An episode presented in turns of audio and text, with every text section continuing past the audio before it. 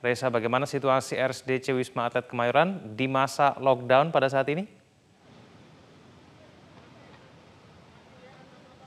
Egan saat ini kondisi yang kami pantau di Wisma Atlet Kemayoran Jakarta masih berlangsung dengan kondusif dan juga masih seperti biasanya karena saat ini kami melaporkan dari sekitar kawasan Tower 1 ini merupakan zona hijau dan juga uh, bukan dalam masuk ke kawasan yang lockdown atau penguncian penuh secara total karena informasinya bahwa berdasarkan informasi dari Kepala Pusat Kesehatan RSDC Wisma Atlet Kemayoran, Maijen TNI Budiman bahwa yang dilakukan lockdown 100% yang berada di Wisma Atlet Kemayoran adalah Tower 2, 3, 5, dan 6 yang diberlakukan lockdown 100% sementara untuk Tower 1 tidak diberlakukan lockdown dan Tower 4 dan Tower 7 ini diberlakukan semi lockdown artinya masih menerima pasien yang atau yang ingin dikarantina utamanya pelaku perjalanan internasional atau warga repatriasi masih bisa masuk ke dalam Tower 4 dan Tower 7 di RSDC Wisma Atlet Kemayoran Jakarta.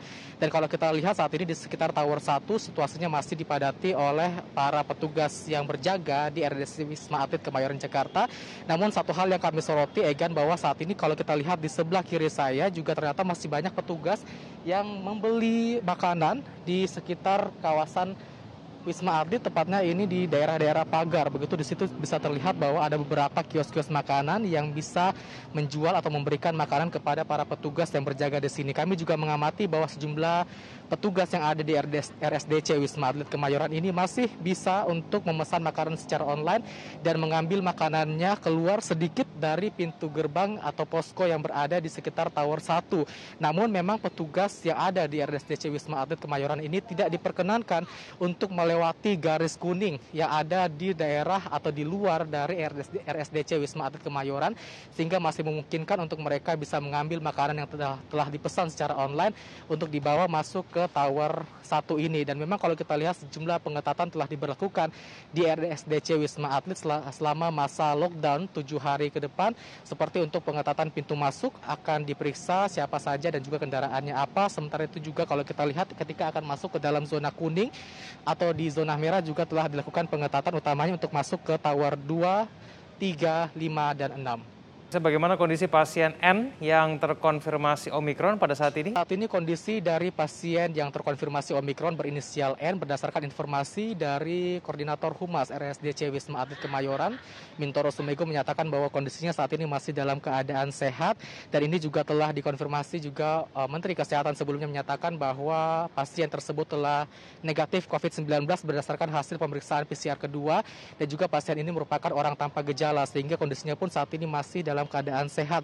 Namun juga memang uh, dari uh, pasien berinisial N ini masih diminta untuk menjalani masa isolasi selama masa lockdown diberlakukan di RSDC Wisma Atlet Kemayoran Jakarta. Tidak ada perawatan atau tidak ada treatment khusus perawatan yang diberlakukan kepada pasien ini masih mengikuti SOP perawatan yang ada di RSDC Wisma Atlet baik untuk gejala ringan, sedang maupun juga berat dan juga ini berlaku bagi seluruh pasien yang saat ini dirawat di RSDC Wisma Atlet Kemayoran.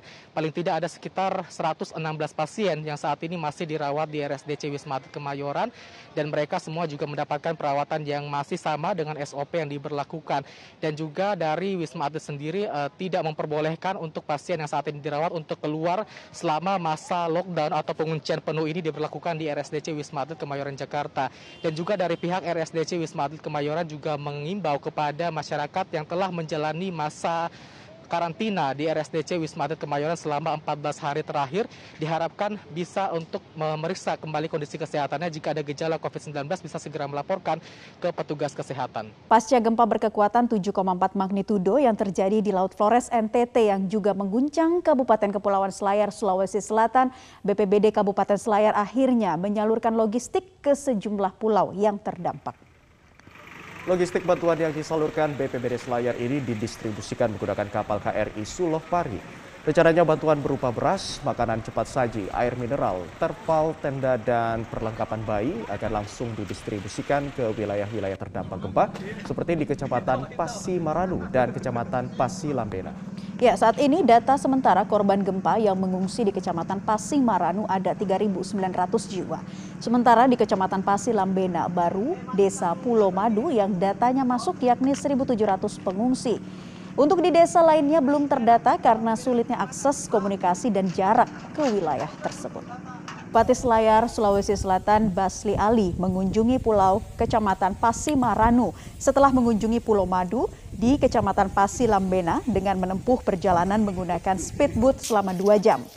Saat bertemu Bupati, para korban berharap bantuan segera datang karena saat ini stok makanan sudah mulai menipis. Basli Ali berjanji segera mendistribusikan bantuan setelah kapal bantuan TNI Angkatan Laut tiba di kota Benteng Selayar. Dalam kunjungannya, Bupati meminta kepada warga untuk tidak panik dan tetap tenang, namun tetap waspada karena masih sering terjadi gempa susulan.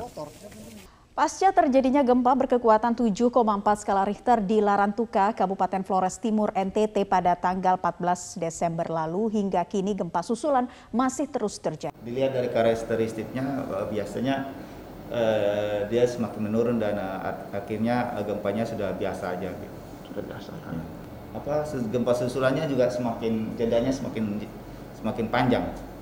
Yang kemarin yang awal-awal itu kan 5 menit, 6 menit uh, selalu ada gempa-gempa susulan tapi sekarang ada yang sudah sampai 30 menit baru ada gempa berikutnya. Oh, lebih panjang ya, ya jeda waktunya. Panjang.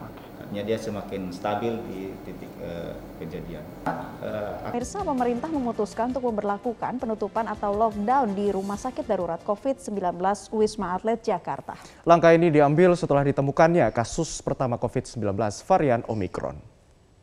Rumah Sakit Darurat COVID-19 Wisma Atlet Jakarta dikonfirmasi oleh Kepala BNPB Letjen Suharyanto Lockdown di Wisma Atlet ini akan diberlakukan selama tujuh hari mulai Kamis malam pukul 22 waktu Indonesia Barat. Ya, sementara Presiden Joko Widodo meminta semua pihak untuk tidak panik namun tetap waspada atas ditemukannya varian COVID-19 Omikron di Indonesia.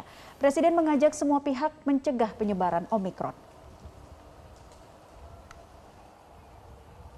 Varian Omikron sudah terdeteksi di wilayah Indonesia ini memang tak terelakkan karena salah satu karakter varian ini adalah penularannya sangat cepat.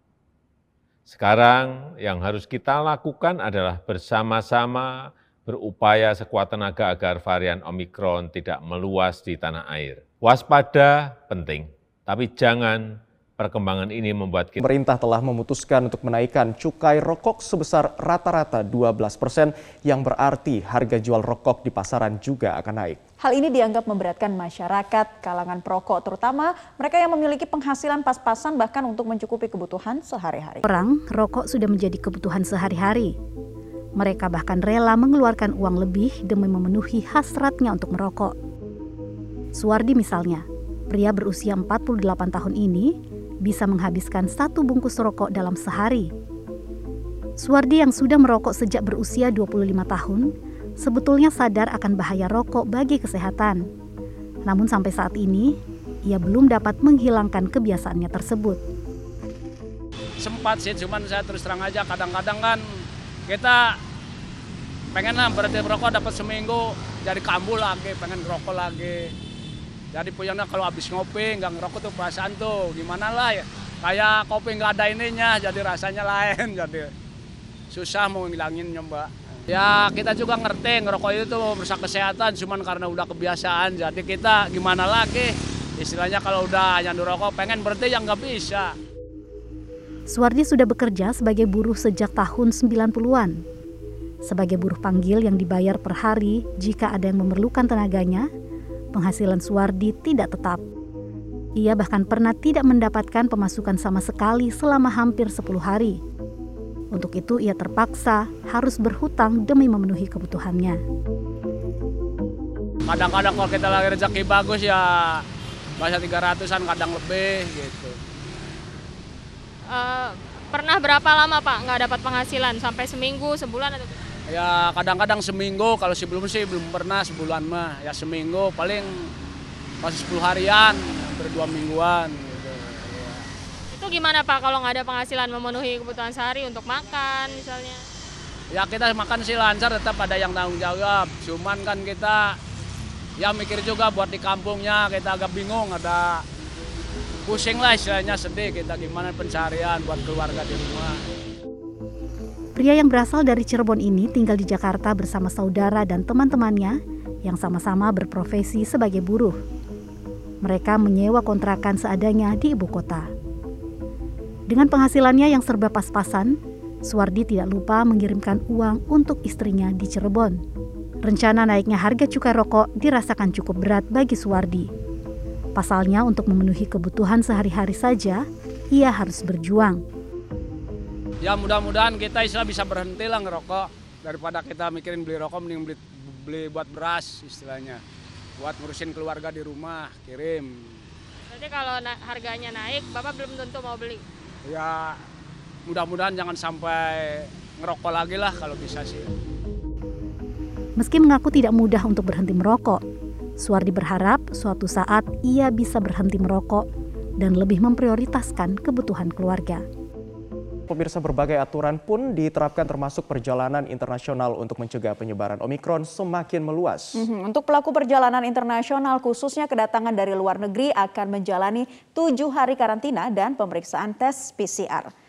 Pengelola Bandara Udara Internasional Soekarno-Hatta melalui Satuan Gugus Tugas Udara Bandara Suta memperketat pintu kedatangan internasional dari perjalanan luar negeri dengan menambah pos-pos pemeriksaan di pintu kedatangan internasional, terutama penumpang dari negara yang terdeteksi kasus Omikron.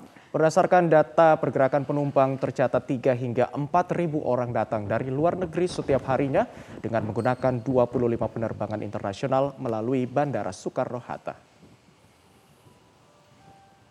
Wajib Menteri Kesehatan Budi Gunadi Sadikin dalam keterangan persnya pada Kamis siang juga mengimbau warga agar tidak melakukan perjalanan ke luar negeri demi menjaga tidak meluasnya paparan Omikron di tidak Indonesia. khawatir, tidak usah menjaga jarak. Pastikan jangan kita terlalu berkerumun di acara dengan banyak orang.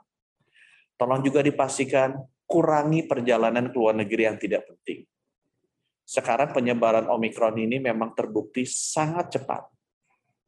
Di Inggris yang tadinya cuma sepuluhan per hari, naik seratusan per hari, sekarang sudah 70 ribu per hari. ya.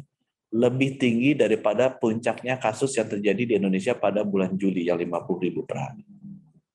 Jadi penularannya sangat cepat. Memang kita ketahui bahwa hospitalization rate-nya sampai sekarang masih rendah. Kalau Delta itu biasanya 20%, ini lebih rendah.